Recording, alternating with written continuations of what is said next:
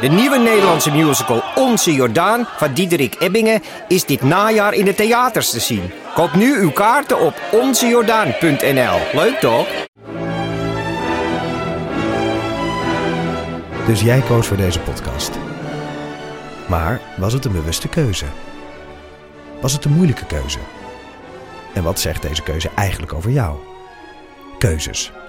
Daar hebben we het over tijdens de Row Now Inner Choices. Een kort en krachtig concert met Maler en Frank. Een avond waarop experts je meenemen in drijfveren, twijfels en de gelijkenissen tussen keuzes in muziek en het echte leven. Kom 19 april naar het Residentieorkest in Den Haag. Een kaartje heb je al vanaf 20 euro. Is het een bezem-episode? Ja. Oh.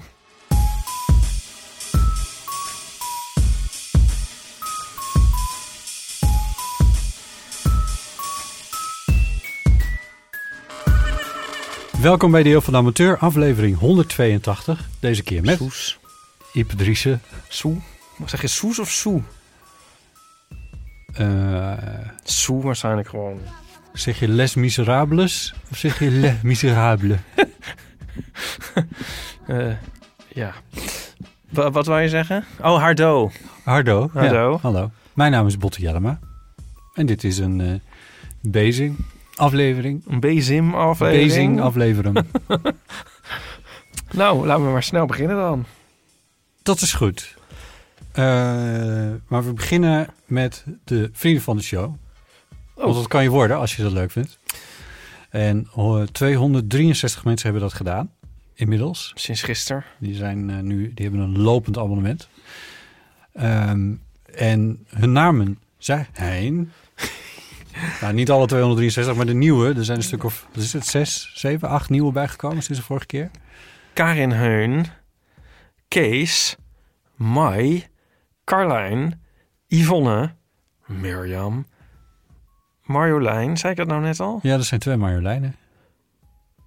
Carlijn. Oh, Carlijn en Marjolein. En Francine. Oh, Of zei ik nou twee keer Marjolein? Ik Nu? ben helemaal in de war. ja. Wat is er aan de hand met je? Ja, ik, eh, slaap slecht. Heeft dat een, heeft dat een, heeft dat een reden? Ehm, wacht, laten we eerst zeggen bedankt, vrienden van de show. Ja, de mensen die nog niet Alle vrienden van de show zijn. You're missing out on something. Want nu hebben we echt iets. Ja. maar nu hebben we echt iets. Want Ja. dat heet feed van de show. Ja, Dat heb ik bedacht. ja. Oh, dat is een geheime extra feed. Ja. Ehm, Die speciaal voor elke vriend apart wordt gemaakt. is dat zo? Ja, Oh, dat wist ik niet je krijgt een unieke feed. Je eigen unieke podcast feed. Oh, dus we kunnen ook nog kiezen aan welke vrienden we wat laten horen. Nou, als iemands abonnement afloopt. Oh, dan wordt hij afge- afgesloten. een soort, nou ja, maar, ehm, maar als je verhuist, dan gaat je feed gewoon mee. Maar daar komen dan dingen in. En ehm, ja, heel eerlijk gezegd was dat tot nu toe dan die oude meuk die we al hadden gegeven aan de vrienden van de show. We geven maar alles niet, nog een keer. dat is niet, dat is niet opnieuw ingepakt. dat een is niet cadeaupapiertje omheen gedaan. helemaal waar. Want as we speak, eigenlijk op de minuut af, Echt? komt er eh, iets nieuws online. Eh, een extra bonusaflevering. We hadden al twee. Die hadden we stiekem al ergens neergezet. Dus die zullen de echte fans misschien al hebben gehoord. Maar nu is er nog een derde. Eh, en er komt nog een vierde aan. En die heeft nog niemand gehoord. Behalve als je erbij was Ja. in Theaterkikker in de eerste voorstelling. Want Maar toen- goed, maar het is eigenlijk, we zijn eigenlijk achter de schermen ontzettend druk geweest met het eh, neerleggen van de infrastructuur. Uitrollen. het uitrollen. Uitrollen, ja. Ja, en ehm, dat, is nu dat is dan nu zover. En Ja, nu kunnen de we de uitrolling. meubeltjes erin. Er wordt gerold. Ja, we zijn on een rol. Ja. En daar gaan we alleen maar meer dingen in zetten. Dus als je nou denkt van... Want heeft er nog niemand geklaagd van die vrienden van... ja, eh, dit hebben we al gehad, deze exclusieve content. eh, ik heb het niet gezien. maar het stond er ook netjes bij, hè, wat het was. Oh, de reden om dat op deze manier te doen... Om het ergens onder te brengen. was omdat... eh, Om het ergens netjes moet ergens mapje te staan. hebben. Ja. En op volgorde als het aan mij ligt. aan jou ook trouwens. En bovendien was het wel fijn, want dit is iets nieuws... om het dan alvast te proberen.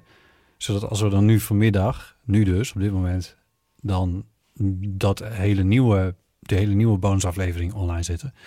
dat we weten dat het werkt en dat mensen het ook daadwerkelijk hebben gisteren. Ja, precies. Ja, Dat is een beetje de, wat een feest. Nou, dit Ja. klinkt eh, ongelooflijk bureaucratisch en moei- moeilijk eigenlijk. Maar het is dus eigenlijk heel leuk. Dus wordt ook Ja, vriend van de show. Als je vriend van de show wordt, dan krijg je een, eh, een mailtje en er staat een linkje onderin. Dat linkje dat plak je in je, eh, in je podcastprogramma en dan kom je echt wel uit. En anders stuur je even een mailtje. Jezus. En dan, en dan regelen we het, eh, dan regelen we dat het wordt uitgelegd. Maar het is niet zo moeilijk. En Dan, dan, krijg je na twee maanden krijg je je tweede mailtje en dan gaat het werken. dat gaat per post. nee, dit laatste is niet waar, mensen. Maar ehm, Het ene laatste ook niet. dat linkje werkt meteen. En bovendien Ik begrijp er helemaal niks van. krijg je dan in je podcast-app te zien... eh, eeuw, of eh eeuw van Amateur voor vrienden, staat er dan bij. En daar staan niet alleen de bonusafleveringen in... maar ook nog eens een keer alle andere afleveringen. Dus dan hoef je de... Dan hoef je dat niet samen met het plebs te luisteren. Dan kun je het gewoon in je eentje luisteren. Op jouw eigen feed. Nou, vooruit. Ja, Ja. zoiets. Ja, Ja. maar je hebt in ieder geval... eh, je houdt het overzicht. Dat is wat ik bedoelde. dat, er niet, dat je niet, niet ineens twee... Het is fijn dat dan toch iemand nog het overzicht heeft. Ehm, Ja, ik, ik, ik, ik kan me niet helemaal onder indruk onttrekken... dat, dat jij ook niet veel zin hebt om... het- nee, Overzicht klopt. te krijgen? Ik, nee, ik zit het even... Ik saboteer het een beetje. Maar ik denk... Which is ik doe fine. net alsof, het- ik doe alsof ik doe alsof ik het moeilijk vind. Ja, Maar eigenlijk begrijp ik het echt niet. Maar dat maakt niet uit. maar ik denk... ehm, ik maak een beetje een karikatuur van iemand die het niet begrijpt... zodat de luisteraar het waarschijnlijk wel begrijpt. Werkt dat niet zo? ja, ja, die, hier... eh, ja, ja oké. Ja, en als eh, vrienden van de show kun je ook meedoen aan onze fantastische prijsvragen. En ehm, zo eh, hebben wij ook winnaars voor dat mooie boek. Klopt, maar ik kan onze luisteraars niet dit onthouden. Want daar hoort het een beetje bij. Wat is dit dan? Aanvullingen en correcties. Het is een jingle die... Is dit een aanvulling? Ja, hier viel het onder. Ja, Ik begrijp het niet. Nou ja, dan eh, kun je dus ook meedoen aan prijsvragen. En zo hebben eh, drie vrienden van de show dat prachtige boek van Robert en Jessica gewonnen. Robert en Jessica zaten vanochtend bij Radio 1. Oh, Eh, ze zijn nu met een soort media-tournee bezig.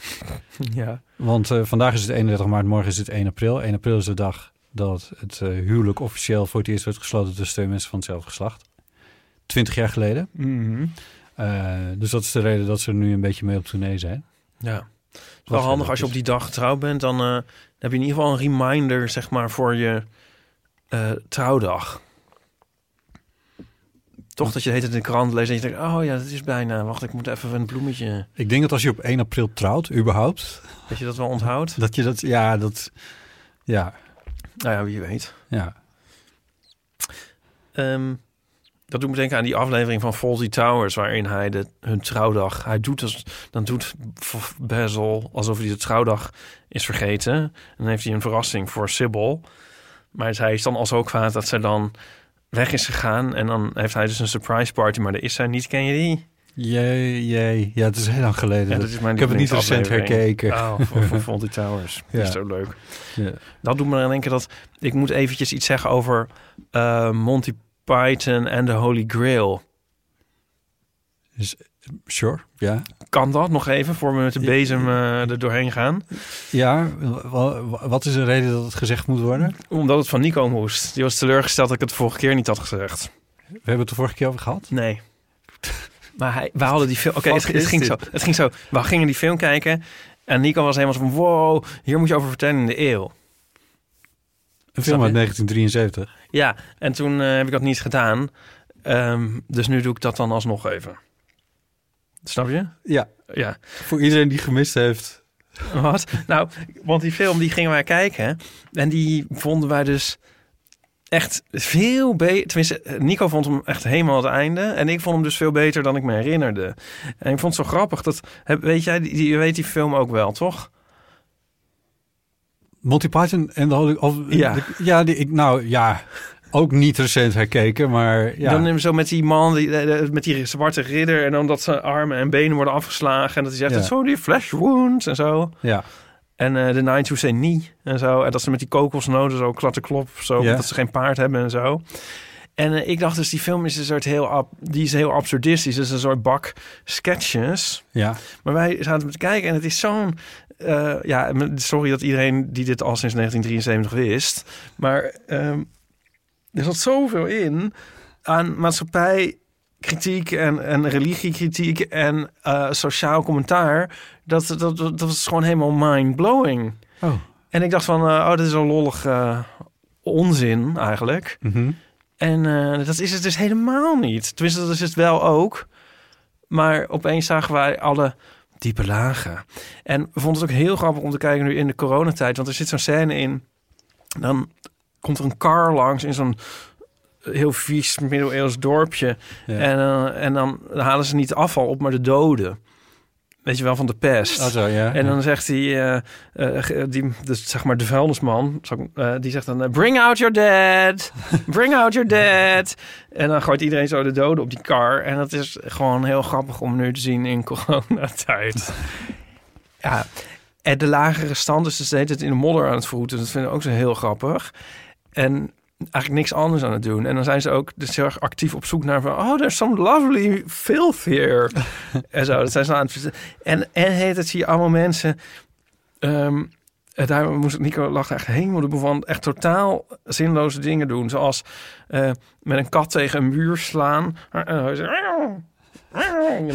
En, en, en, met een stok op het water en zo. Tijd zie je zo op de achtergrond zo mensen zinloze dingen doen. Nou, dat eh, moest ik even zeggen. Figuranten die losgaan. Ja, ik vond dit echt een film... Die, ik, ik vond hem echt tien keer beter dan ik mij eh, herinnerde. Oké. Ja.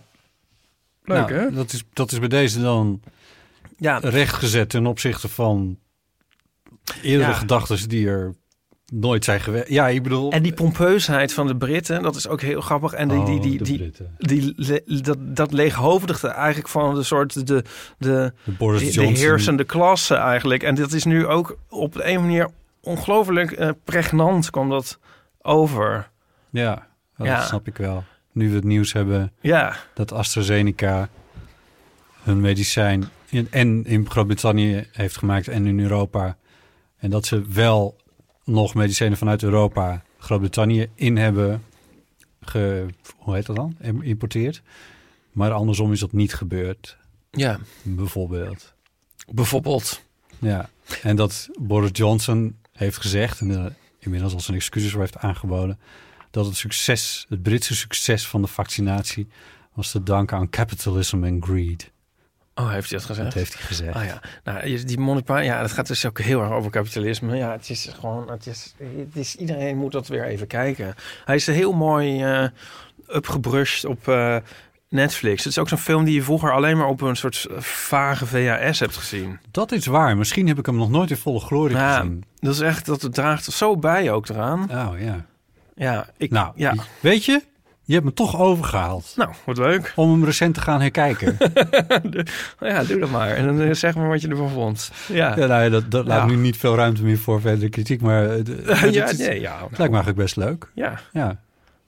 Je moet toch wat op die eh, avondklokavonden. nou.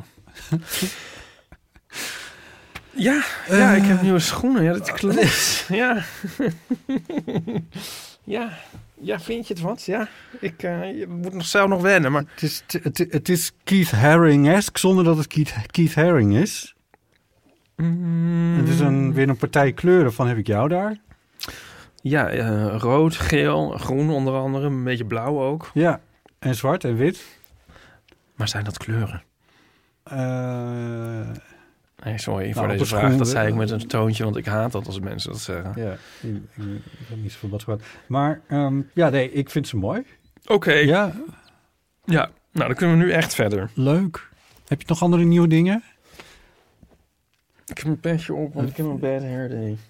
Oh nee. Ehm, Ja, was in Moddergat. oh ja. Moddergat, Ik heb waar ligt dat? Ik heb echt ik heb de, een van de meest vreemde weken van deze periode. Eh, namelijk dat alles in één keer. Maandag had ik, had ik nou, niet per se heel erg veel te doen. Dus kon ik even rustig wat een beetje bijwerken, administratie. En ik moet nog jureren voor de NL Award. Dat is ook wel leuk. Oh. Dus ik kon nog een beetje aandacht aan besteden.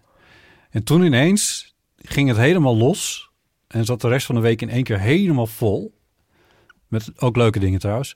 Maar ik moest gisteren, eh, dus het is niet alleen maar drama, maar het is wel een beetje dat ik. eh nou, anyway, dat er ook niet toe. Maar ik, gisteren was ik, eh, moest ik helemaal naar Moddergat. Ja. Bij Pearsons. Bij wat?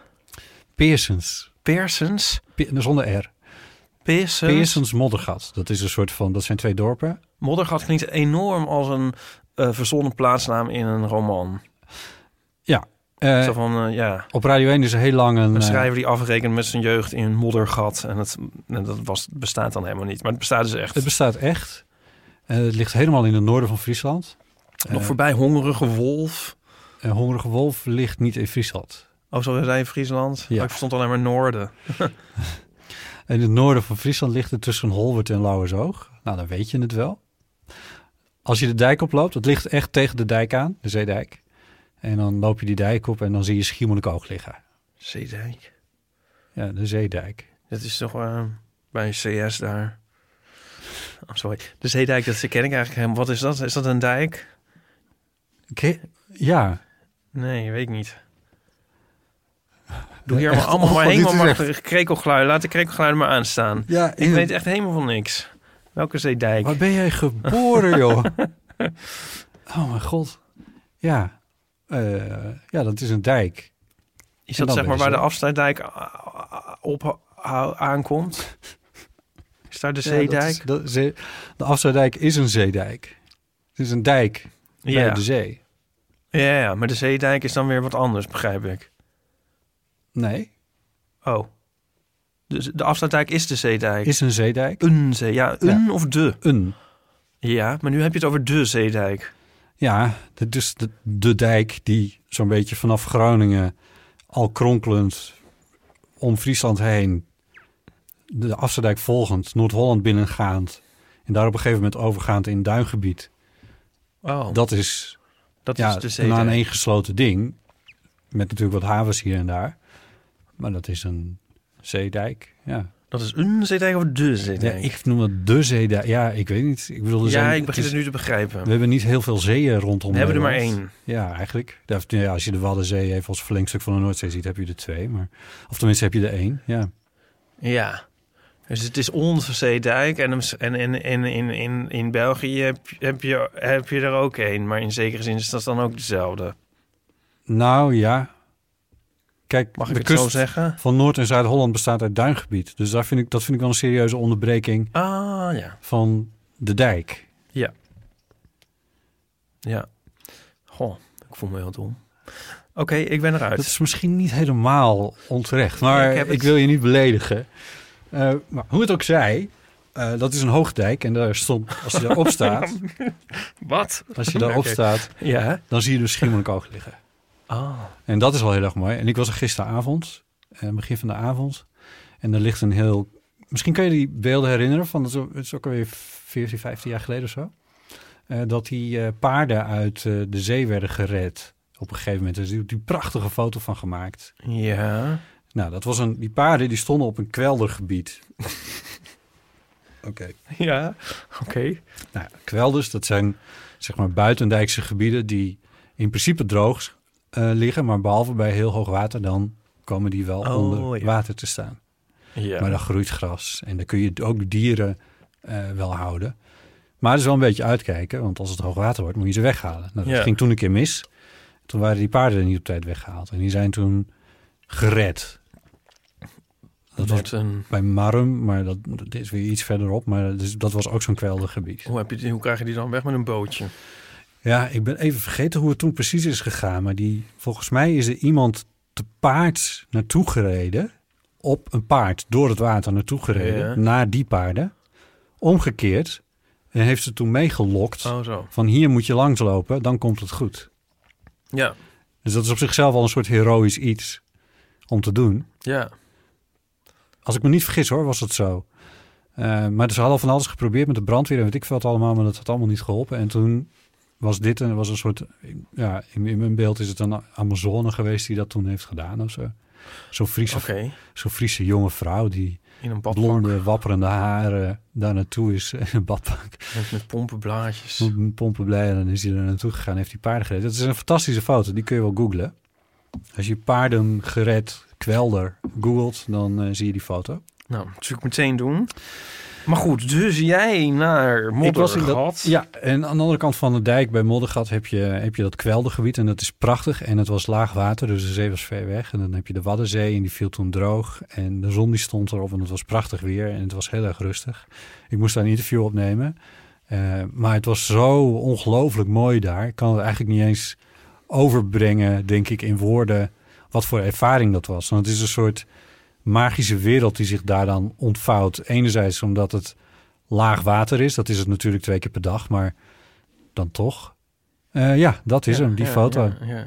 Ja, ja. Er zijn Oh. nog wat, wat Oh wijdere, wijdere shots. Ja, die met dat ene witte paard in het midden inderdaad. Dat is ook zo'n beruchte. Ja. Ja. Dat was, maar dat was dus een Amazone die daarvoor op eh, reed, Ja, ja. ja, dus dat heb ik goed onthouden. Ehm, maar dat was een, is een soort magische wereld, omdat dus, om die, de, de Waddenzee veel droog, nog gebeurt dat twee keer per dag. Maar dit gebeurde dan in de avonduren waar de zon net onderging. Het was prachtig weer, dat gebeurt ook niet zo vaak. Het was stil weer. Het waait er altijd, maar toen even niet. Eh, en over twee weken begint het broedseizoen en dan mag je er niet meer komen. En nu nog net wel. Eh, dus zeg maar op deze manier die plek zien, dat is denk ik een once in a lifetime opportunity op een of andere manier. Eh, zeker ook omdat, ja, wanneer ben je nou in Moddergat? Eh, en, eh, maar ik denk dat dit wel het geheim van Moddergat is, eigenlijk. Het geheim Dat- van Moddergat. Dan woon je dus in Moddergat en iedereen is de hele tijd grapjes over de naam van je plaats aan het maken. En dan denk jij, ja, maak maar grapjes, maak maar grapjes. Maar wij zitten op een willekeurige mooie avond in het vroege voorjaar lopen wij die kwelder op. En er waren ook allemaal stelletjes die daar liepen en in de zon zaten. En zagen hoe de zon daar in de zee aan het zakken was. En in de verte Schiermonnikoog.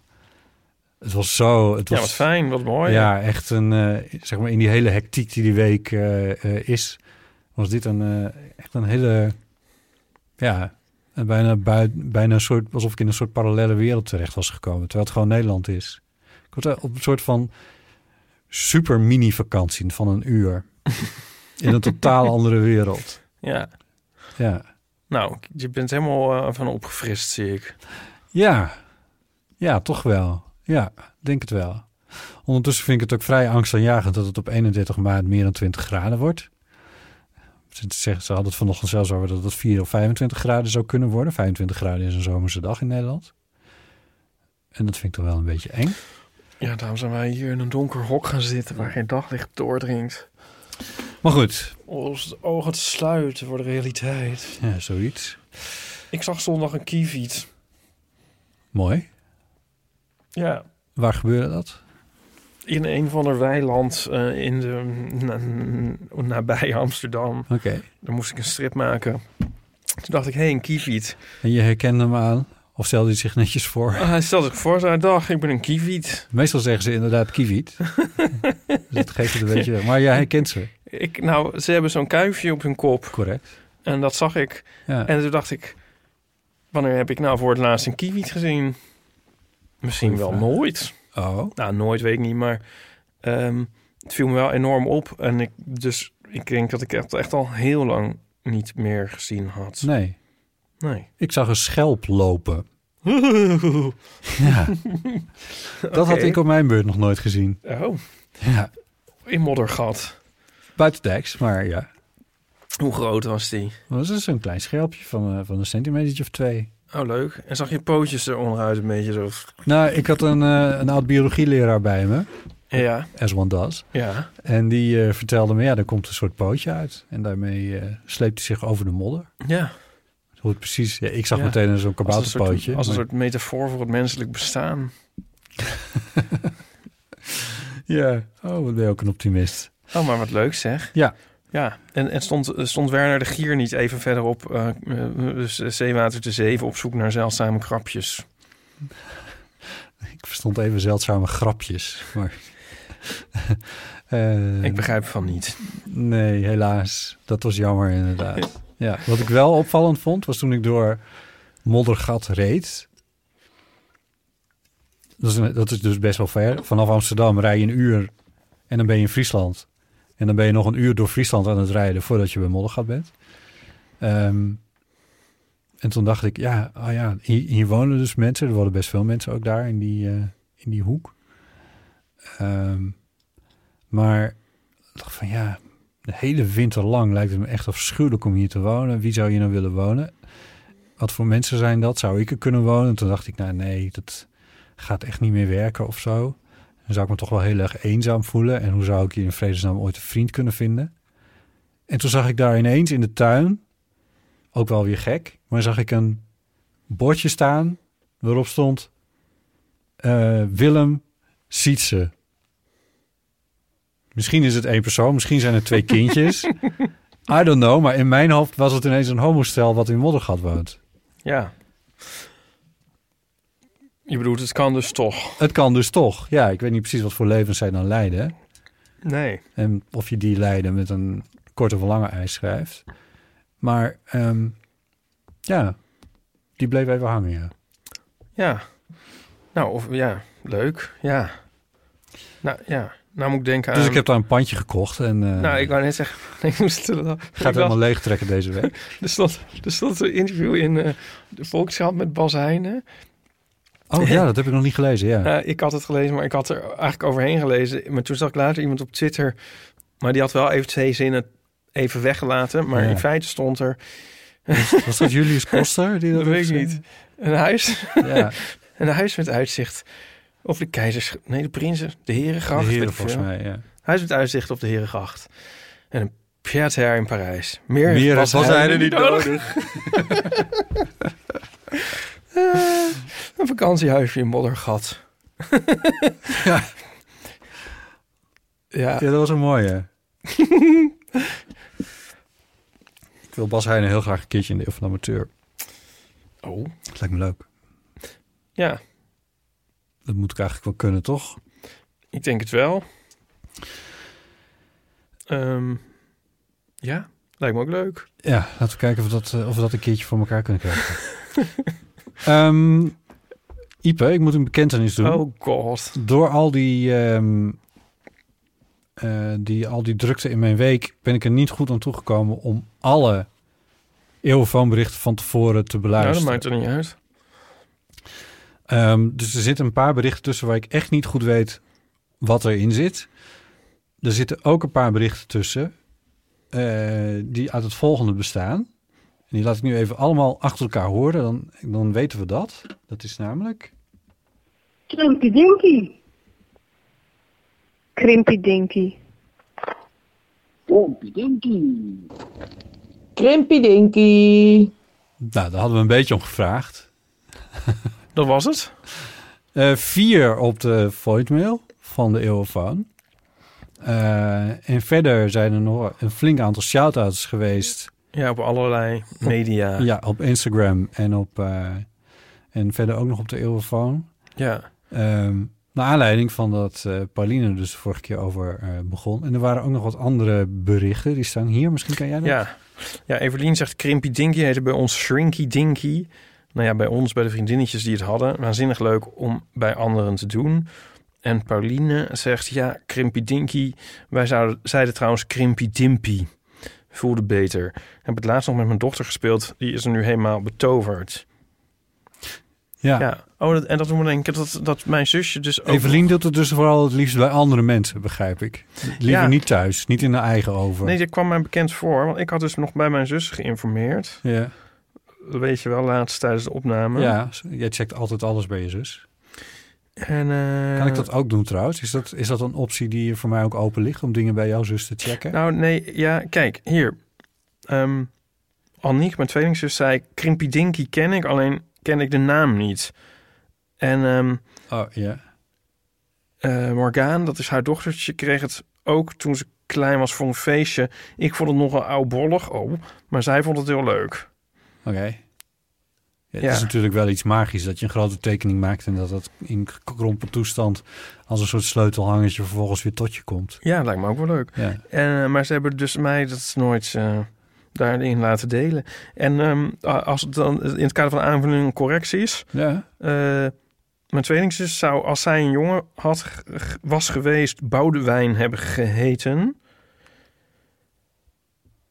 Ja? En ze had bijna Elze, eh, ook nog bijna Elzenoor geheten.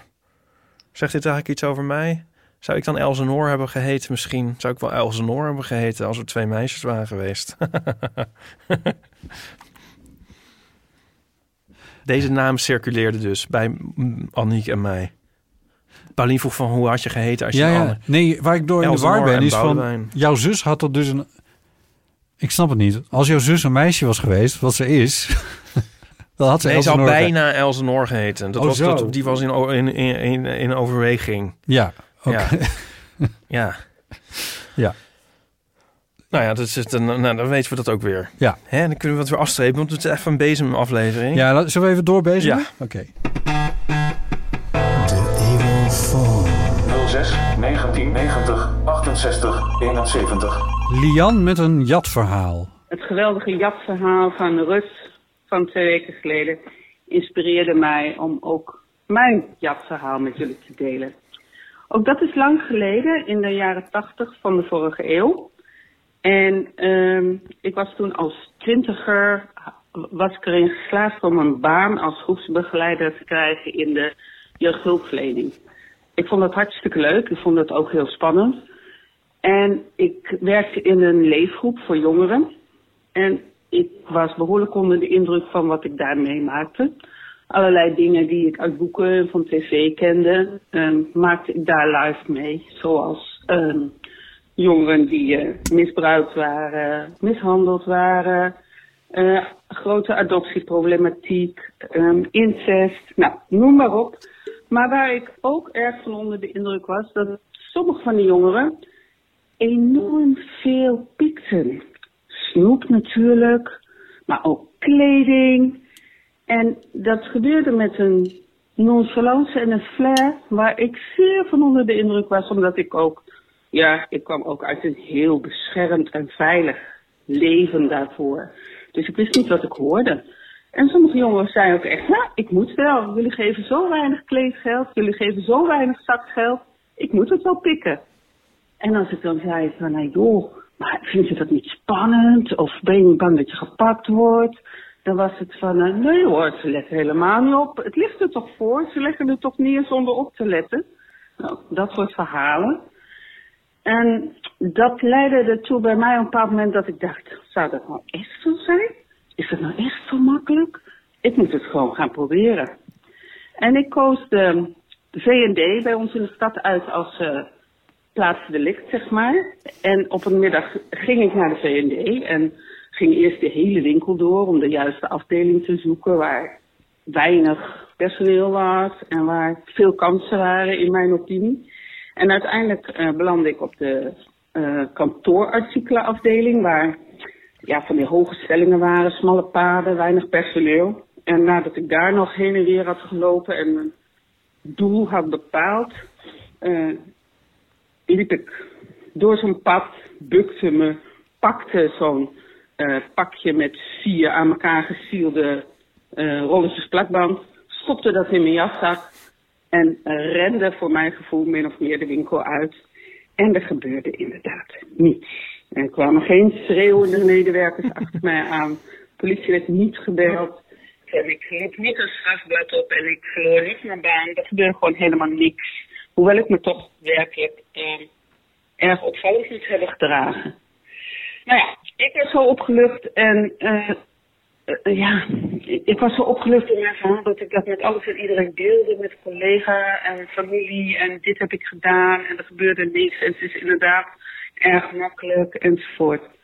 Dat was dan weer niet zo slim, want een week of zes later was het Sinterklaas en ik kreeg op het familie Sinterklaasfeest wel drie gedichten over eh, mijn criminele carrière en het eh, slechte voorbeeld dat ik aan het geven was en het foute pad waarop ik beland was. Dus, kortom, iets pikken was niet zo erg moeilijk. Dat is echt wel buitengewoon spannend. Maar je mond erover houden moet je ook nog kunnen. Nou, dag hoor. Dat is mijn verhaal. Groetjes. Ja. Wat wordt er veel plakband gestolen? Ja, we hadden eerder ook al een plakbandje, toch? Ja. Maar dat was een soort snoepplakbandje, als ik me niet vergis. Nee, leuke, met een leuk plakbandje. Oh, leuke plakbandje. Met Ja. plaatjes. Ja. Ik, de V&D is ook wel... Het is niet zo gek die failliet zijn gegaan. Want iedereen die ik over spreek... die- mensen die wel eens iets hebben gejat... die hebben dat altijd bij de V&D gedaan. Is jou dat ook al opgevallen? Ja. Ik vraag me ook af of het nu überhaupt nog kan. Ze hebben nu toch allemaal van die... eh, hoe heet dat? Die RF-code... ehm, hoe heet het spul? Die, eh, zo'n stickertje met, eh, met de barcode erop. En daar zit dan zo'n RF-dingetje in. Zo'n... zo'n hoe heet dat? Zo'n is dat op radiogol- alles? Radiogolven. Ja, is dat niet wel veel op- te duur? Het zit wel op heel veel. Hoe zit het op el- el- elk dingetje? Elk rolletje plak, want ik weet het niet. Ik dacht dat dat, dat soort steeksproefsgewijs was. Oh zo. En is het ook nog zo, wat, hoe vaak heb je zelf wel niet gehad... dat je dan een winkel uitloopt en dan gaat het alarm? Nee, heb ik nooit gehad. Echt niet? Nee, Echt niet? nee, kan me niet herinneren. Oh, nou, dat heb ik echt heel vaak gehad. Ja? En dan moet je zo onnozel kijken. En dan kijken ze zo... Of kijken ze niet eens. Of ze kijken zo van... hmm, hmm. En dan loop je maar weer weg. Heb je dat Echt? nooit? Ja. Oh nee. Je gaat misschien nooit naar een winkel. Nou ja, ik heb ook my share of plakband nodig. Maar ik betaal er gewoon voor. Nee, maar dus, dit is ook als je dus niet iets steelt. Maar Nee, die, dat, ja. dat, dit is net als dat... Hier hebben we toch ook wel eens gestaan dat het inbraakalarm afging. Dan komt er ook niemand kijken. Nee, maar ik had laatst dat ik bij dag en nacht naar binnen ging. Eh, en die code die ik had was verlopen. Ja. En dan ging het alarm ook af. En toen kwam er een squad-team. Daar is, daar is toen nog een politieman geweest. Squad-team?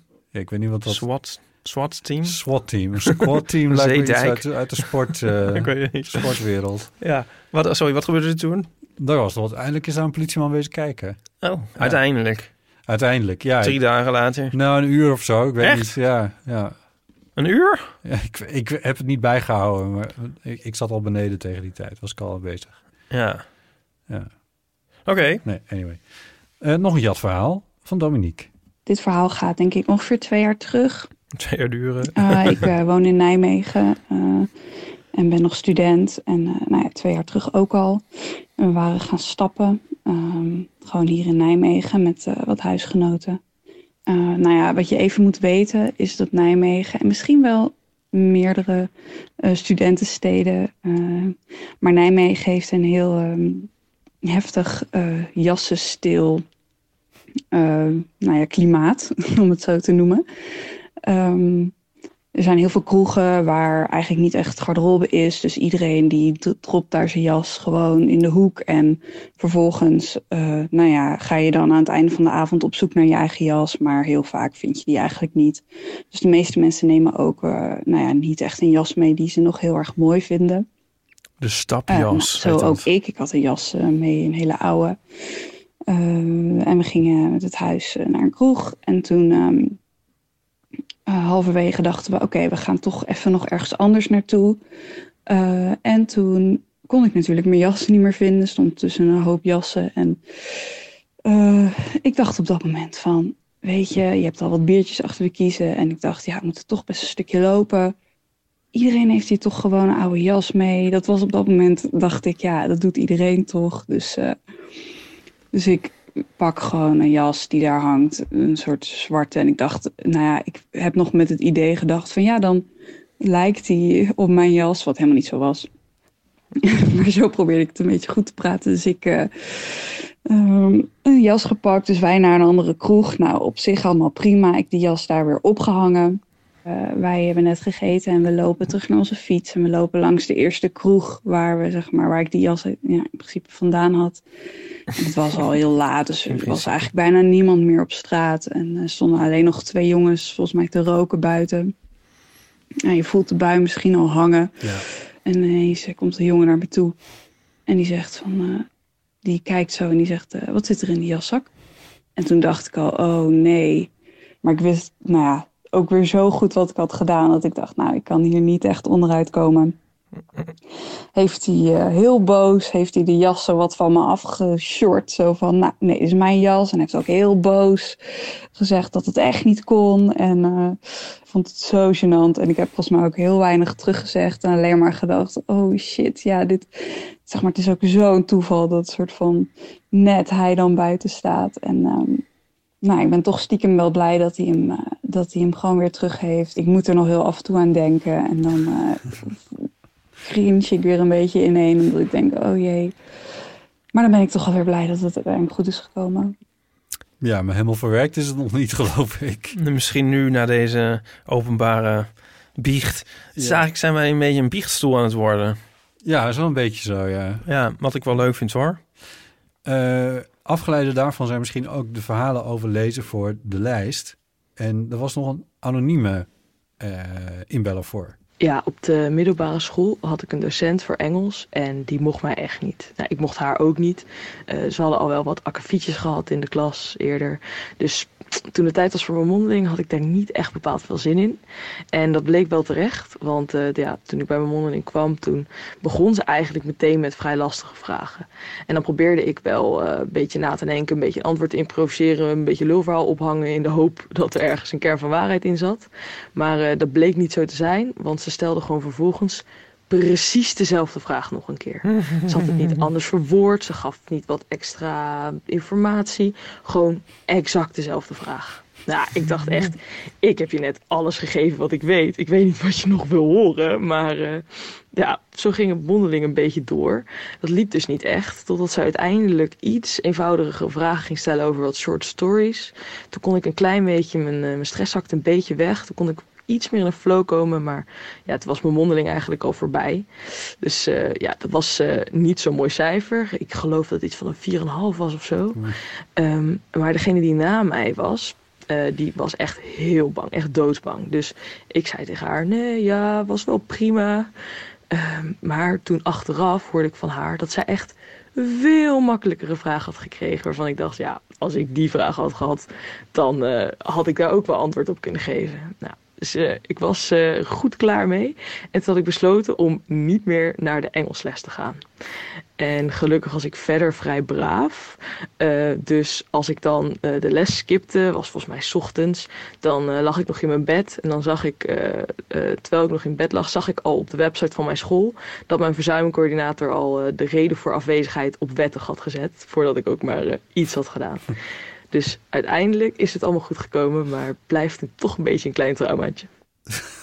Oké, okay. dan heb je wel mazzel met zo'n verzuimcoördinator. verzuimcoördinator. Ja. ja. Heb je al wel eens gespijbeld? Ja, vast wel. Ja? Maar niet, maar, maar niet heel indrukwekkend of zo. Het is wel een akkefietje geweest, ook bij Engels, in mijn examenjaar. Maar wat dat nou was? Nee, ik denk dat ik zat gewoon volgens mij. Ik speelde toen in een schoolband.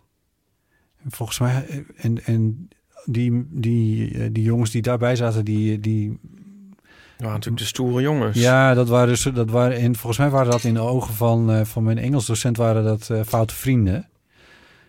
Dus hij, hij heeft me er toen de laatste weken uh, eruit getrapt. Toen hoefde ik die laatste week ook niet weer te komen in die lessen. Oh. Um, het is allemaal best goed afgelopen, want ik had een behoorlijk cijfer voor Engels. Maar, en toen moest ik ook nog een mondeling doen. En toen was hij ongelooflijk aardig tegen mij. En toen hebben we een hele tijd ook over de boerderij gepraat in het Engels. Waar ik veel meer van af wist dan de boeken die ik had gelezen. Hm. Um, dus ik had het ook, het, ik had ook, ik vond, dat herinner ik me nog wel. Dat vond ik toen wel een beetje gek. Dat ik, dat ik ook het idee had van, volgens mij heb je een beetje spijt van dat je mij eruit hebt getrapt of zo. En nu ben je wat aardiger tegen oh, mij ja. aan het doen. Oh ja. Oh ja. Omdat ik ook een beetje, omdat het een beetje bij proxy was. Omdat hij eigenlijk die andere jongens eruit Ja. wilde hebben. En daar hoorde ik dan toevallig bij of zo. Je toen moet denken aan dat, uh, dat, dat, dat, dat minister Grapperhaus tegen... Heet hij nou echt House of Huis? Grapper. House. Oh, dat hij tegen Jair Verweda... Wacht, nu twijfel ik. Ja, ga verder. Zegt uh, van, nou, ja, u staat te grijnzen. Heb je dat ja. gezien? Ja, ja, ja, ja. ja. Oh mijn god. ik, heb het niet, ik heb het gelezen. Ik heb het, niet, het filmpje niet gezien. Oh, ik heb het nu echt. Ik heb het nu, nu tien keer gekeken. En hij is zo. Ik vind die man dus echt vreselijk. Ja. Eh, het is zo'n schoolmeesterachtig optreden. En dan eerst valt hij soort, juist dat soort te grijnzen. En het is niet nodig zout in de wonden te strooien. En eh, allemaal bullshit. En eh, ik, het gaat dus over die, hè, die mis van, ja, u strooit zout in de wonden. Eh, ik, ik ben eh, katholiek. Het is eh, jammer dat de kerken niet open zijn. Anders dan, kon u eens met mij meegaan. En dan kon u zien wat de barmhartigheid is. Echt? What the fuck? Was Maar dat zijn tekst? Ja, maar dan, ja, en dan loopt hij door. En dan, ja, in mijn ogen, mijn vrienden zijn het er niet mee eens. Denkt hij dan van, ja, dit was misschien niet helemaal lekker of zo. En dan gaat hij nog tegen een andere journalist een soort super aardig doen. Als een soort, dat vind ik dus ook echt iets voor een docent. Zo van, oh ja, de- tegen deze, kijk, zie ik kan wel heel aardig zijn. Tegen deze leerling doe ik wel aardig. Ja. En dan sputtert hij ja, hier dus blijkbaar nog iets. En dan gaat hij daar weer terug op. Oh god. Ja, en dan zegt hij, oh, dat is het allerergste. Van ja, en het is een uitnodiging, eh, hè, doe ik dus net, hè, aan jou, eh, jij hier. Ja, ik, eh, ik spreek je dan nu ook even aan als je. Oh, wat vreselijk. Wat paternalistisch. Ja, oh, En wat, wat doet kijken. hij jij hier dan? Wat, Ja, die staat dus die inderdaad vindt het alleen maar leuk. Ja, die staat. Dat zal je net zien, ja. Die hoeft helemaal niks te doen. Nee, die hoeft er niks meer te doen. Dit item ont ontvouwde zichzelf. Ja, Ja, oh, het is, het is afgang. Ja. inderdaad, ja. ja, maar je krijgt zo'n enorme schoolmeester-vibe. Ja, Ja, ja, dat, ja. eh, dat. Eh, er is nog iemand die voor de lijst een eh, verhaal heeft ingesproken. Eh Laurien. Ehm, in mijn eh, examenjaar op de middelbare school moest ik een hele lange lijst boeken lezen voor Nederlands, zoals iedereen waarschijnlijk. Ehm, nou ja, ik had toen eh, blijkbaar andere prioriteiten in mijn leven. Dus ik dacht, ik ehm, lees gewoon een paar van die boeken. en voor de rest ga ik gewoon een paar samenvattingen opzoeken. En dan bluff ik me er wel doorheen. Op een gegeven moment eh had onderling examen waarbij ik dan eh, over die boeken moest gaan praten met mijn leraar Nederlands. En eh, die had volgens mij mijn tactiek gewoon al door. Want hij ging me alleen maar hele gedetailleerde vragen stellen over die boeken die ik juist niet had gelezen. Ehm, en nou ja, dit staat echt in mijn geheugen gegrift. Een van die boeken was de historie van mevrouw Sarah Burgerhart. Ik had heel dat boek zelfs nooit opengeslagen. Ehm, maar waar ik in dat mondeling achter kwam, was dat de namen van de personages in dat boek blijkbaar symbolisch bedoeld zijn. Ehm, en die man bleef daar maar over doorvragen. En op een gegeven moment vroeg hij ook: ehm, ja, een van de personages eh, in het boek heet Anna Willis. En eh, wat bedoelen ze daar nou mee met die naam? Nou, ik had natuurlijk geen flauw idee, maar ik dacht: ik doe gewoon een wilde gok. Ehm, wat ik wilde zeggen was ambitieus, maar wat ik zei was wel lustig. Eh, want ik dacht dat dat ambitieus betekende. Nou, eh, niet dus, kwam ik daar ter plekke achter. ik kon echt wel door de grond zakken. Eh, als ik hier aan terugdenk, dan voel ik die schaamte ook echt gewoon nog alsof het de dag van gisteren was. Ehm, ik weet niet of middelbare scholieren ook naar de eeuw van de amateur luisteren. Maar zo wel, dan geef ik jullie vast even het advies mee om zeker niet alle boeken te lezen, maar dan ook geen woorden te gebruiken die je niet kent. Oké, doeg! Oh ja. Maar lustig. Ja. Zou dit verhaal nog grappiger zijn als wij wel Sarah Burgerhart hadden gelezen en geweten hoe dat personage Anna Willis. in elkaar steekt? Ja, misschien wel. Dacht je ook dat er iets zou komen van eh, waar Ja. staat dit en dat voor? En dan eh, die, Ja. komt, die staat namelijk helemaal niet in het boek. Ja, zo. Verzin ik nu ter plekke. Ja. ja. Je hebt je petje afgezet. Oh shit. Nu zie ik het. Laat nou maar zitten. Oh mijn god. Loop je hiermee op straat? Ik moet ook mijn, mijn nagels opknippen. Oh nee. Oh. Oh, nu zie ik en je nagels en je haar heel dicht bij elkaar. Ehm, laat maar snel verder gaan. Joep heeft ingebeld met een vraag over een soort voorstelrondje. Eh, vorig jaar was ik bestuur van onze studievereniging en dan hadden we nog wel eens dat we met eh, twee mensen van het bestuur naar of een workshop of een vergadering moesten of zo, waar we dan waar je eigenlijk niemand kende. Nou, natuurlijk begint het dan eh, met een voorstelrondje, ehm, waar eigenlijk een, altijd een ongemakkelijke situatie in ontstond. En ik moet zeggen dat ik zowel schuldig ben aan het maken van deze situatie als slachtoffer ben, maar toch was het altijd lastig. Eh, nou, als je dan in die voorstelronde zit, dan eh, is eerst die eerste waar ik mee dan was, eh, stelde zich voor en die zegt, nou, ik ben die en die van uh, Geop, zo heet de training dan. Eh, en die zei dan vaak, ja, ik ben hier samen met Joep. Nou, en dan was ik daarna aan de beurt en dan was het dus, eh, ja, eh, ik ben Joep. Oké, en dan is eigenlijk alles al gezegd. En waar, ik vroeg me altijd af van, laat ik het dan bij die ongemakkelijke stilte? Zeg ik dan nog een keer mijn naam? Moet ik nu nog iets extra's zeggen? Eigenlijk realiseerde het altijd alleen maar in een ongemakkelijke situatie. Dat was het eigenlijk wel. Eh, ik ben benieuwd wat jullie hiervan vinden en of jullie dit eh, ook wel eens hebben meegemaakt. Groetjes, doei doei, adieu. Adieu. ik vond het een heel lang bericht. Dat iets puntiger gekund. Vind je niet? Met iets meer stilte. Ja, ja het was gewoon... eh, nee, eh, grapje. Ehm, wat moeten we hierop zeggen? Zou Joep tips willen hierover? Nou, hij vroeg of we ons hierin herkennen. Ik heb ook in de studievereniging gezeten. Jij ook, weet ik. Eh, ik was vicevoorzitter. En dus ik eh, ben ook veel mee geweest naar inderdaad van die... eh, hoe heet dat ook weer? Bestuursintroducties? Dat Constitutieborrels. Constitutieborrel, dat is het woord. Oh, dat heb ik echt lang niet meer gehoord. Constitutieborrels inderdaad, ja. Oh, Ja, oh, de tijden. ik heb daar ook wel een verhaaltje over. Ja, ik vond het altijd wel leuk trouwens. Nou, toen wij begonnen, toen onze studievereniging was ehm, in ieder geval, hoe moet ik het zeggen? Wij hielden een constitutieborrel voor mijn bestuur. Ja. En ehm, toen kwam er niemand, behalve één iemand, die, en die kwam helemaal uit Groningen. Oh, wat sympathiek. Ja, dat was wel sympathiek, maar dan... Ik was het trouwens niet. Maar nee, maar dan is het nog erger, zeg maar.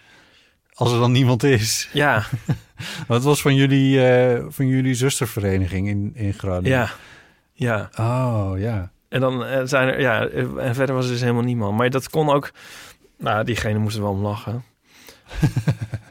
ja, je had daar ook van die, echt van die heel erg eh, deftige, jasje, tassige Ja, besturen die dan het een- academiegebouw af gingen huren. Ja. Met heel veel poeha. je kreeg een interessante doorsnede van, van het academische leven Ja. te zien met die Onze, borrels. onze studievereniging schoof ook wel iets meer die kant op later. En dat hielp ook wel een beetje bij de opkomst. Eh, zeg maar. Oh, toen jullie wat deftiger werden, toen kwamen er meer mensen. Ja, Oh, en toen ja. iets actiever werden. Oh, zo. Ja. Ja, je moet wel een beetje bekendheid hebben eigenlijk. Ja. We hadden met ons bestuur ook dwarsverbanden waar ik, die ik nog steeds niet helemaal begrijp. We waren bijvoorbeeld als bestuur soorten met van beste vrienden met eh, de studievereniging van sociale geografie. Terwijl wij bij letteren zaten. We hadden, waarom waren wij niet best, we waren niet, Oh, niet, ja. niet onbevriend met, met eh, de mensen van geschiedenis. Maar het was wel gek. Ineens heb je dan een soort klik met een paar Ja. mensen van sociale geografie. En dat is dan Oh ja, ineens, grappig. ben je er allemaal samen dingen mee aan het doen of zo. Ja, wij hadden het met eh, biologie. Ja, Ja. ja. ook niet noodzakelijkerwijs logisch. Nee. nee. Nee. Ja, geinig. En met pedagogiek hadden we op een gegeven moment deden we samen feesten. Dat sloeg ook nergens op. Kunstmatige intelligentie en pedagogiek. Ja, waren allebei te klein om in ons eentje ja. een cachot af te ja, huren. volgens mij hebben wij dat gedaan met, met sociale geografie. ja. Het was ook zo, dat, dat was wel echt heel tof. We hadden een, eh, een studievereniging toen we daarbij kwamen.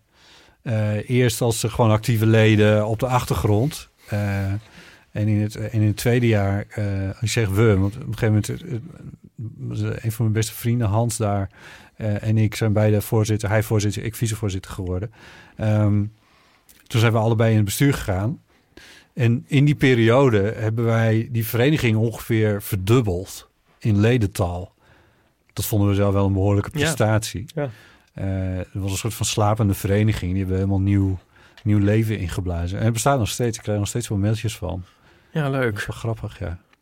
Ik zit te denken dat het trouwens best wel logisch was voor, om dat te doen met pedagogiek voor ons. Want wij zaten met alleen maar mannelijke nerds.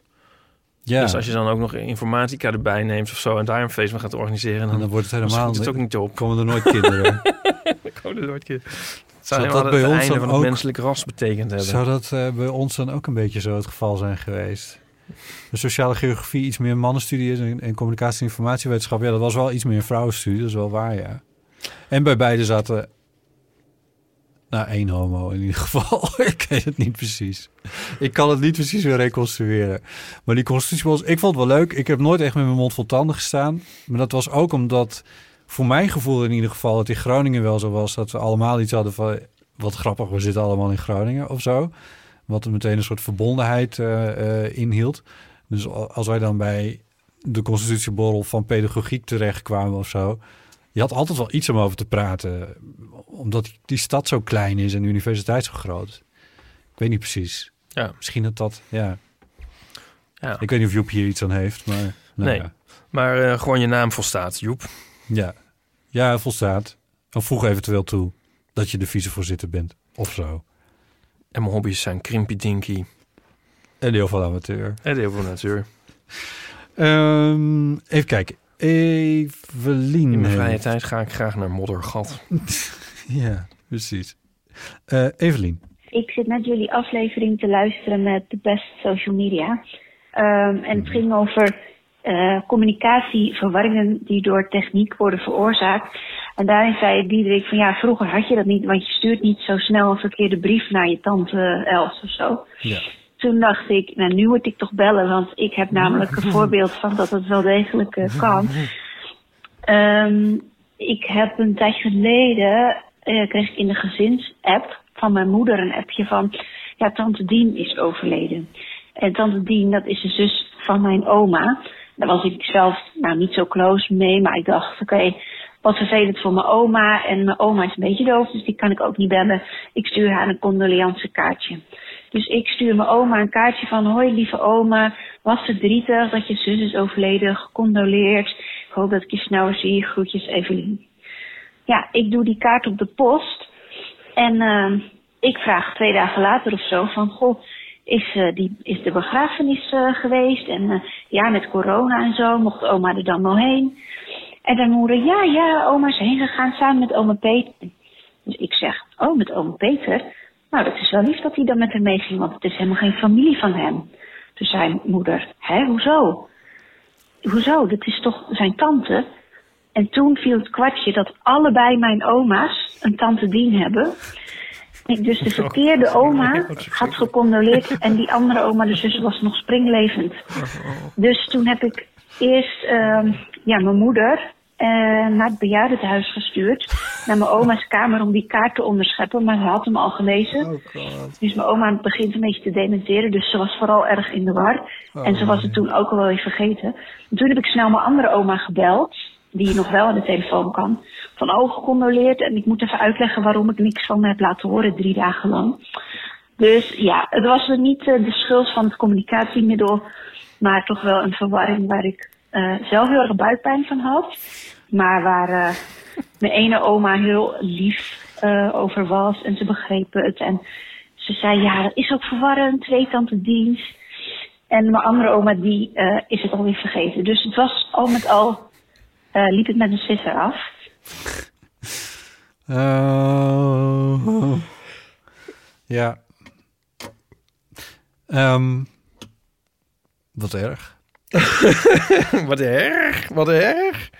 Nu waar, is, kwam- waar is onze jingle van Nou Wat Een Verhaal? Die had er wel mooi ingekund. Oh dat kan wel. wat een verhaal. Overigens aan alle kanten gekaapt inmiddels. Oh ja, door, door Dook van Dijk. Ja? Of nog meer. Nou ja, Ik heb nee. het allemaal nog niet gezien. Dat Ja, wordt toch niks. ik heb- Stop maar met bellen, mensen. We weten ervan. Het wordt niks. Maakt niet uit. We verzinnen wel weer een nieuwe rubriek... die dan ook vervolgens een hit wordt ergens anders. Ehm, nu komen we in Uncharted Territories. Eh, Groetjes van Suus staat hier. ja, we krijgen nog groetjes van Suus. Dat heb je ook niet gehoord. Ja, nee, ja, die heb ik wel gehoord. Oh. Wil je die nog horen? Dat is eh 47 seconden groetjes van Suus. Hoe, hoe vaak zegt ze het dan in die tijd? Eeuw van de amateur. Groetjes voor Suus, groetjes voor vind, Suus, groetjes eh, jullie Suus, groetjes en Suus. gezellig en leuk. En ehm, wat ik... Er zijn dingen die er in de eeuw van de amateur voorkomen... die in mijn gewone leven nu eh, een vaste plek hebben. Namelijk, eh, in mijn werk moet ik heel veel mailen. En vaak moet ik Ah. dan ook wel iets mailen dat Ah. dan nog een aanvulling is. Oh, Of je dacht dat wel een correctie. En ik kan het niet anders dan in de mail ook zeggen aanvullingen en correcties. En dan in mijn hoofd het stemmetje, het, de, de jingle van Aap doen. Aanvullingen en correcties. Nou ja, de- de- jullie zijn altijd een beetje bij me, dus dat vind ik heel gezellig. En eh, ga zo door en eh, de groetjes van zus. De groetjes van De Suus. groetjes van Suus. nou, de groetjes terug, Suus. Wat leuk. Tjus. Tjus, Suus. zou ik bijna willen zeggen. Bijna. Bijna, mensen. Ik weet niet, wat is, hoeveel is mystery calls? Hoeveel zijn dat er dan? Nu nog drie. Oh, nou, doe maar even die hand uitsteken. Dat is een berichtje van Joyce. Hoi, Botte, Ipe en een eventuele gast. Eh, ik bel met een kwestie in de categorie het leven en wat daarbij komt kijken. Eh, in elk geval in mijn leven komt het elke keer kijken als ik van of naar mijn werk fiets. En ja, dat doe ik nog steeds, want ik werk in de zorg.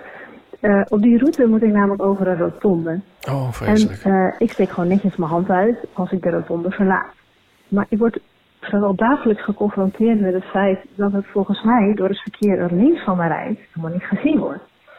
En sowieso is dat een keer op een ochtend bevestigd door iemand die op een brommer, nou dus links van mij reed. En die wilde daar ook afslaan. En die hield in, omdat hij dus blijkbaar niet zag dat ik mijn hand uitsteek om ook af te slaan. Ehm, en toen, toen bleken we dus dezelfde kant op te gaan en daar was hij blijkbaar geïrriteerd over. En toen kreeg ik dus heel fijn om zeven uur wijf, steek dan ook je hand uit naar mijn hoofd. Ehm, ja, dat is niet zo heel prettig. En ik, ik riep er volgens mij nog zoiets terug. Ja, dat deed ik ook, lul. Eh, maar goed. En smiddags is het eh, op die rotonde ook nog veel drukker, vooral met auto's. En dan, als ik dan mijn hand uitsteek en afsla en ik merk dat een auto die dan links van mij rijdt eh, en ook wil afslaan inhoudt voor mij, ja, dan kan ik dus eigenlijk niet anders denken dan die, die zo, eh, ja, dat die automobilist denkt van, wat een kutwijf, want ze steekt haar hand niet uit. Eh, Dus dat is eigenlijk wel een beetje een dingetje geworden nu. Ehm, nou heb ik zelf geen rijbewijs, dus misschien leer je dat wel gewoon bij rijlessen. Dat dit nu eenmaal een soort verkeerssituatie is waar, ja, waar eigenlijk niet echt een oplossing voor is en dat dat gewoon prima is. Eh, nou ja, als dat zo is, zou dat, zou dat voor mij heel fijn zijn om te horen, want dan trek ik het misschien wat minder aan. Ehm, dus eh, kunnen jullie misschien helpen? Wat zijn de gedachten van automobilisten op zo'n moment? Of hebben jullie ideeën hoe ik dit op kan lossen? Ik zat zelf eerst te denken aan oogcontact, maar dat is natuurlijk super raar. Want dan ga ik met de auto links van mij oogcontact maken, terwijl ik mijn hand uitsteek om naar rechts te gaan. En dat is dan zo'n gemixt signaal en dat lijkt me in het verkeer al helemaal heel onhandig. Ehm, dus ik hoor graag of jullie eh, misschien betere ideeën hebben hierover. Doei! Eh, Mag ik eerst zeggen? Ja. Dat ik het echt heel herkenbaar vind. Dit. Mag ik er iets over zeggen? Mm, Ja. Dit is de minst conflicterende verkeershandeling die er bestaat, afgezien van rechtdoor rijden. Op een weg waar geen af, afslagen zijn. Minst conflicterend? Ja. Hoe bedoel je? If anything, beweeg je weg van het kruispunt op de eerst mogelijke manier. Ja. Als je rechtsaf slaat. Ja. Dus er is eigenlijk helemaal niks aan de hand. Nee, jawel.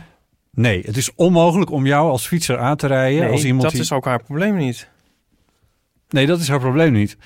Maar dat iemand anders, bijvoorbeeld zo'n brommetje of kennelijk ziedende automobilisten in jullie hoofden, want ik schaar jou inmiddels ook Ja, in diezelfde groep. ook. Eh, Die denken... Nee, dus Ja, soms maar dat is jouw probleem geeft daar helemaal lucht niet. aan. Maar anderen denken dat alleen maar van... Jongen, jongen. En, en nu bij iedereen kan dat mogelijkerwijs denken. Dat is een weeffout in het universum. Want, want ze kunnen dat niet zien. Ja, die mensen zijn allemaal Maar dom, geen- maar ze denken het wel. Er, Er zijn is- natuurlijk allemaal mensen die dat denken. Er is- Ik vind dat ook vreselijk. ja, maar dat is hun probleem. Ik zou in staat zijn om gewoon een rondje extra om die rotonde te maken. Tot je rechtsaf kan en er niemand aankomt. Zodat niemand dat hoeft te denken. dat is een mogelijke oplossing. Dus dan creëer je- even Dan eh, één, rij je gewoon twee, even drie, een rondje extra. Vier extra, extra rondje. conflicterende verkeerssituaties om één niet conflicterende verkeerssituatie te vermijden. Ja, heb je dit zelf verzonnen, deze woorden? Conflicterende verkeerssituatie? Nee, ja. nee, maar je snapt het toch wel? Ik snap ook wel, ik snap ook wel wat jij zegt, maar je snapt het toch ook wel? Ja, maar het is niet. Ja, maar wat hier is. Dit is ja, een weefvat in het universum. Is er, het is niet een probleem. En daar, daardoor is er ook geen oplossing voor. Ik bedoel, wat wil je dan? Maar dit is. Hoe. Ja. Ik zie het probleem dus wel, ja. Ja, probleem? psychologisch probleem. Kun je dat nou? Hoe kun je daar nou? Daar kun je toch niet mee zitten? Ja, het is heel vervelend dat iemand kutwijf naar je, schreeuwt, naar je schreeuwt. Maar ja, dat kun je je toch niet aantrekken? Het is toch niet jouw schuld? Het was haar schuld niet, want ze had haar hand uitgestoken. Ja. Dus ze stond ook volledig in haar recht om... eh, wat, wat schreeuwde ze terug? Lul of sukkel of zo, weet ik veel. Eh, dat, dat kon ze prima terugschreeuwen. Maar ja... Je kan je toch dingen aan... Nou ja, nou ja, oké. Ja, ik begrijp niet je wat je, niet aan begrijpen je moet je boven staan. Hm. Hier moet je boven staan. Rechts afslaan, moet je boven staan. Het rijmt. Dus het is een verkeersregel. Ah, er staat bij het Oosterpark staat er zo'n bord en er staat er zoiets van gevaarlijke situatie. Probeer contact te maken met bestuurder. Oogcontact te maken met bestuurder. Ja, ja. Eh, eh, eigenlijk staat er een soort, soort bord van eh, zoek, het, zoek het er allemaal maar uit, yo. Ehm, Ja. ja, daar word, daar word ik ook enorm nerveus van. Dan denk ik van, ik ben mijn leven hier niet zeker. En, en wat als ze nou niet kijken en zo. Maar goed. Ze kijken wel. Oh. Ze kijken wel. En, oogcontact zoeken is gewoon een heel belangrijk onderdeel van Ja, het nee, weet ik, dat doe ik ook. Maar als het dan, dan zo extra wordt benadrukt en normaal staat het nergens, dan denk je wel van, Jij eh, wat is hier aan de fietsend, hand? ben jij dat bord zo aan het lezen? Nou ja, en dan- eigenlijk wel, ja. ja. Oh, ik had, ik had oogcontact moeten zoeken. Weet je wat wel een voordeel is? Het OVG staat vlakbij. Eh, Ja, dat is waar. Nee, ja, ehm, nou ja, volgens mij is er dus inderdaad technisch gezien geen oplossing. En ehm, het is heel vervelend. Ik kan me helemaal, ik kan me helemaal inleven in het probleem. Ik, ik kan me ook wel inleven hoor. Het is alleen, ik denk alleen van ja, het is, het, het is geen conflicterende verkeerssituatie. Maar ik geloof dat ik dat helemaal niet meer mag zeggen. Maar ik, ik, ik, ja, ik heb bijvoorbeeld ook wel eens gehad en dan stopt er, dan, dan ben je zo, dan loop je zo'n soort halvig op een zebrapad af. En dan gaat iemand daar veel te vroeg voor stoppen, maar je moest er helemaal niet overheen. Ik ga er dan overheen. Dat vind ik anders zo gênant. Dat denk ik van, dan ga Wat- ik straks wel weer terug. Wat ben jij veel mensen veel verplicht? Ja. En waarom heb je dat bij mij nooit? Ik Is die ook als- me ineens trouwens dat Ja. eh, mijn pen ook een krim, krimpy dinky is. Want eh, dit is een oude waterfles die gekrompen is tot een ballpoint. Ga weg. Is echt waar. Hè? Ja. Maar die is van gerecycled, is die. Ja, Van- maar hij heeft ook diezelfde structuur. Ik Ja, bedoel, in mijn fantasie is dat dus gewoon gekrompen. Wat leuk. Oh ja, een bottle pen. Nou, wel leuk. Leuk hè? Wat een verhaal. Wonderful. Oké, ben je er klaar voor? We weten niet wat er komt. Hey Botte, Ipe en wie je nog verder hoort. Ik had nog een vraag naar aanleiding van jullie vorige podcast, waarin jullie het hadden over namen die jullie gekregen hebben en wat als jullie met de andere eh, geslacht waren geboren. Nee, had ik dat nou maar net niet gezegd. En ik ben zelf trans, dus ik heb een naam kunnen kiezen. Dat is Robin geworden. Oh. En ik vroeg me af, wat als jullie een naam mochten kiezen? Wat zou dat dan zijn? Ik hoor het graag. Doei. Veel plezier met de podcast trouwens. Leuk. Meter op de achtergrond. Hoor ik. Ik hoorde in de verte een kerkklok. We kunnen misschien kunnen we achterhalen waar, Waar dit dit is. precies was. Toen moet ik aan mijn- obsessie met ontvoeringen denken. Dat is wel leuk. Transpersonen kunnen natuurlijk op een gegeven moment een naam kiezen. Dat vind ik eigenlijk wel, vind ik wel geinig. Nou ja, ja, ja, dit- iedereen kan een naam kiezen. Ik heb ook een soort van naam gekozen. Ja. Een soort artiestennaam. voor, voor op de socials. Ehm, en Robin is ook een beetje genderneutrale naam. Want ik ken een man die Robin heet. En ik ken ook een vrouw die Robin heet. Ja. Dus dat is ook wel leuk. Eh, eh, ik heb gewoon de laatste drie letters van mijn eerste voornaam afgeknipt. En dat is Bo geworden. En daar voel ik me eigenlijk best wel thuis bij. Maar dit heb ik al lang gezegd. Dus dat is een soort van mijn gekozen eigen naam. En jij? Nou, ik zou denk ik... eh, ik zou denk ik voor eh Paulien gaan. En dan denken jullie misschien... Hè? En zo heet ongeveer mijn halve familie van vaders kant. En mijn vader heet Paul. En eh een tweelingzus heeft als... Ja, haar roepnaam is haar tweede naam. Maar haar eerste naam is Paulien. Hm. Ja, kun je ook zeggen, die is al bezet. Maar dat tel ik dan even in deze contrafactieve situatie niet mee. Oké. En zo heet ze ook. Dus feit, ja, wel en niet, maar ook weer niet. Ja. Maar Paulien vind ik wel een goede familienaam aan onze kant. Maar dat komt zo in me op, maar ik heb er verder niet nooit over nagedacht. Nee. Ik vind het leuk. Ik vind het een leuke vraag. Voor, de, voor het punt van orde kunnen we dus misschien uitleggen aan de luisteraar dat jij normaal de berichten allemaal voorluistert. Ja. En ik dus niet. Bijknipt. Ja. Ja. En, ehm, maar nu dus di- dit dan weer niet. Nee, dit, dit is, eh, Ja. deze en ook deze niet. Dag Botte, Ipe en eventuele gast. Met Mickey spreken jullie. Ehm, ik zat net te luisteren naar de allernieuwste eeuw met Paulien. En daarin heeft zij het over dat ze het altijd zo irritant vindt als je kijkt naar een film en er wordt viool gespeeld en de techniek is compleet verkeerd. Oh ja. Nu heb ik dat dus heel erg met piano, wat ik zelf al speel, klassiek piano sinds mijn vijfde of zo. En dat is precies hetzelfde, maar het is niet alleen de techniek, maar het is ook heel vaak wat er dan wordt gespeeld. En misschien is het heel snobistisch, maar dan zijn het een soort van drie akkoordjes die een beetje in gebroken vorm de hele tijd achter elkaar worden gespeeld. En dan staat er iedereen zo omheen van, oh, wat goed, wat goed. En dan denk ik, ja nee, dit kan echt elke mongool die net drie akkoorden heeft geleerd.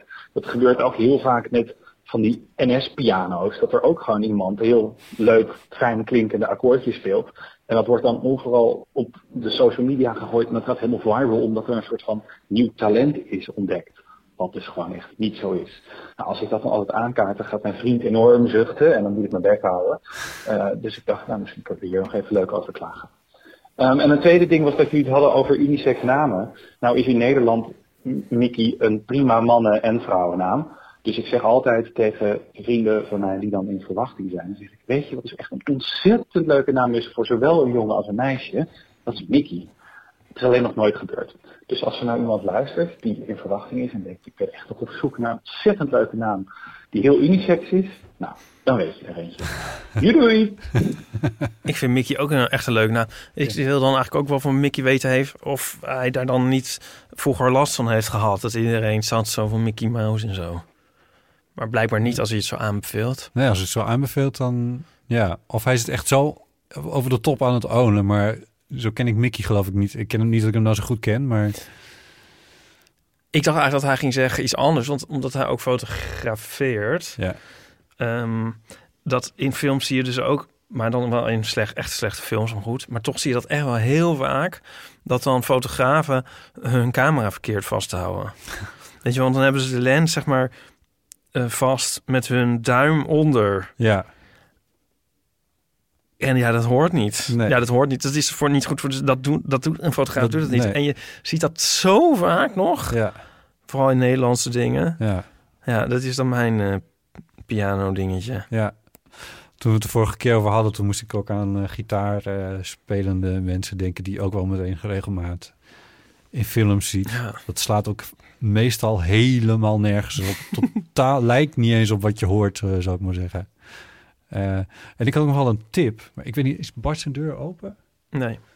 Oh, dat is jammer, want anders kan ik, kon ik even een gitaar bij hem lenen. Je kan namelijk heel snel wel indruk maken. Maar hier staat een elektrische, dat is waar, oké. Dus dat hoor je dan niet zo goed. Je kan heel snel met gitaar ook indruk maken met, met iets heel eenvoudigs, waar Mickey het ook over Ja. had. En eh, bijvoorbeeld, dan speel je dit.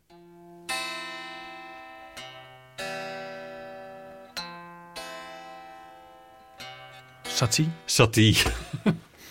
dat kun je gewoon een tijdje volhouden. En het klinkt heel, heel droevig en intens. Ja. Maar het stelt niet zoveel voor. Nee. Maar goed, die melodietjes zijn er wel meer. Ik heb... eh, Ik vind het overigens helemaal niet erg als mensen satie spelen. En Nee, dat zijn ergere dingen. ja. Ik heb van de week ehm, Behind the Candelabra herkeken. Oh ja, die film over... ehm, Liberace. Liberace inderdaad, ja. Met Michael Douglas in Ja. een on- on- onvergetelijke rol.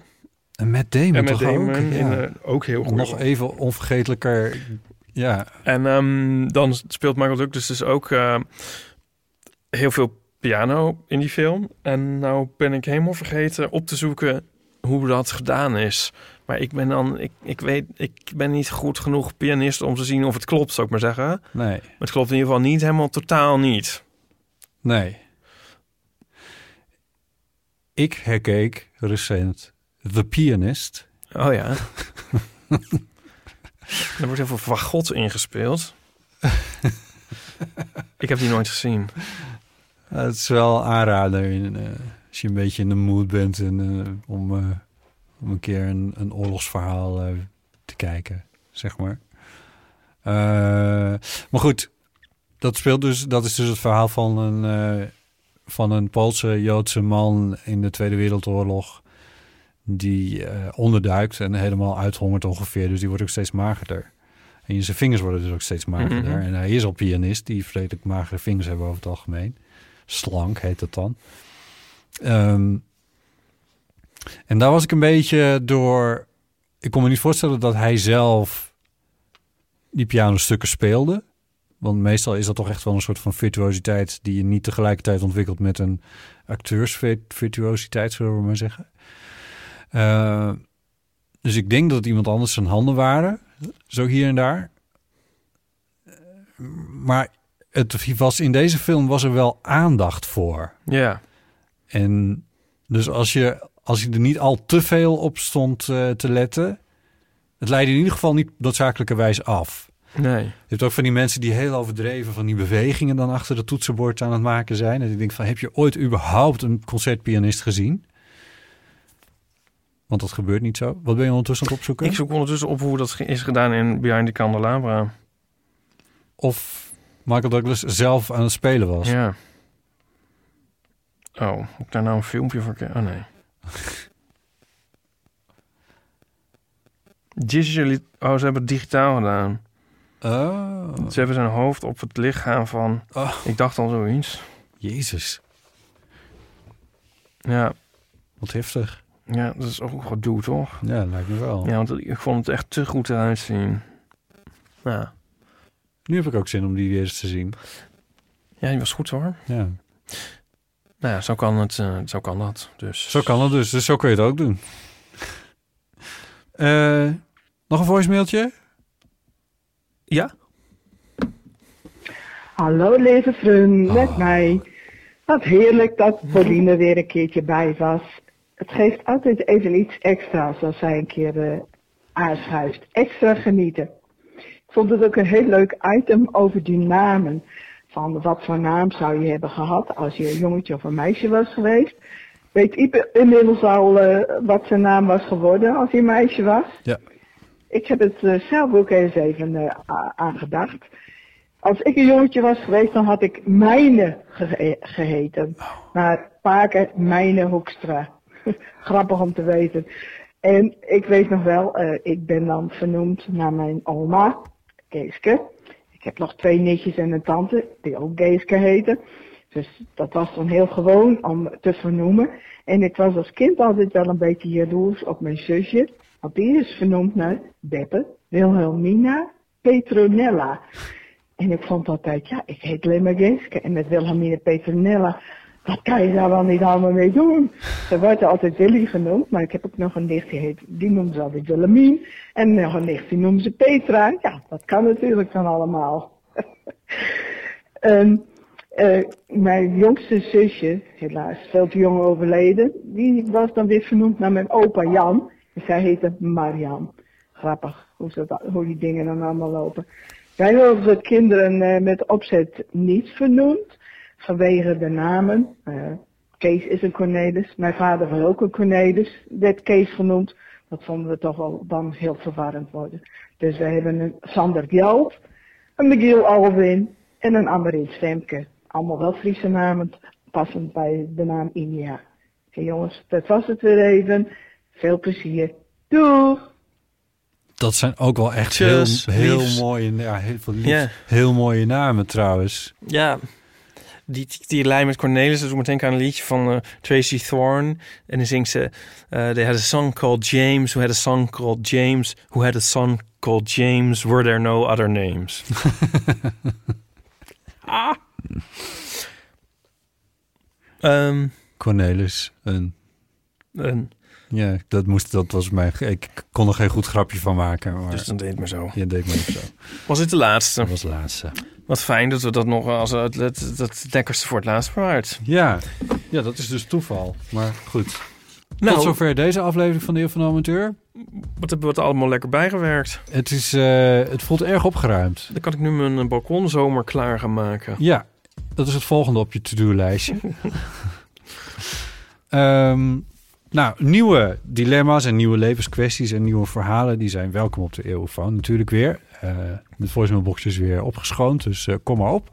Telefoonnummer is 06 1990 68 71. Je kan mailen naar de botten.eeuwvanamateur.nl. We zitten op Instagram, heten we Eeuw van Amateur. En eeuwvanamateur.nl is onze website. En vond je deze aflevering leuk? Dan kun je hem delen met vrienden, familie of collega's. En daar hebben wij echt wat aan als je dat doet. Dus ehm, ja, doe dat. Ehm, en je kan natuurlijk vriend van de show worden. Kost je 2,50 euro.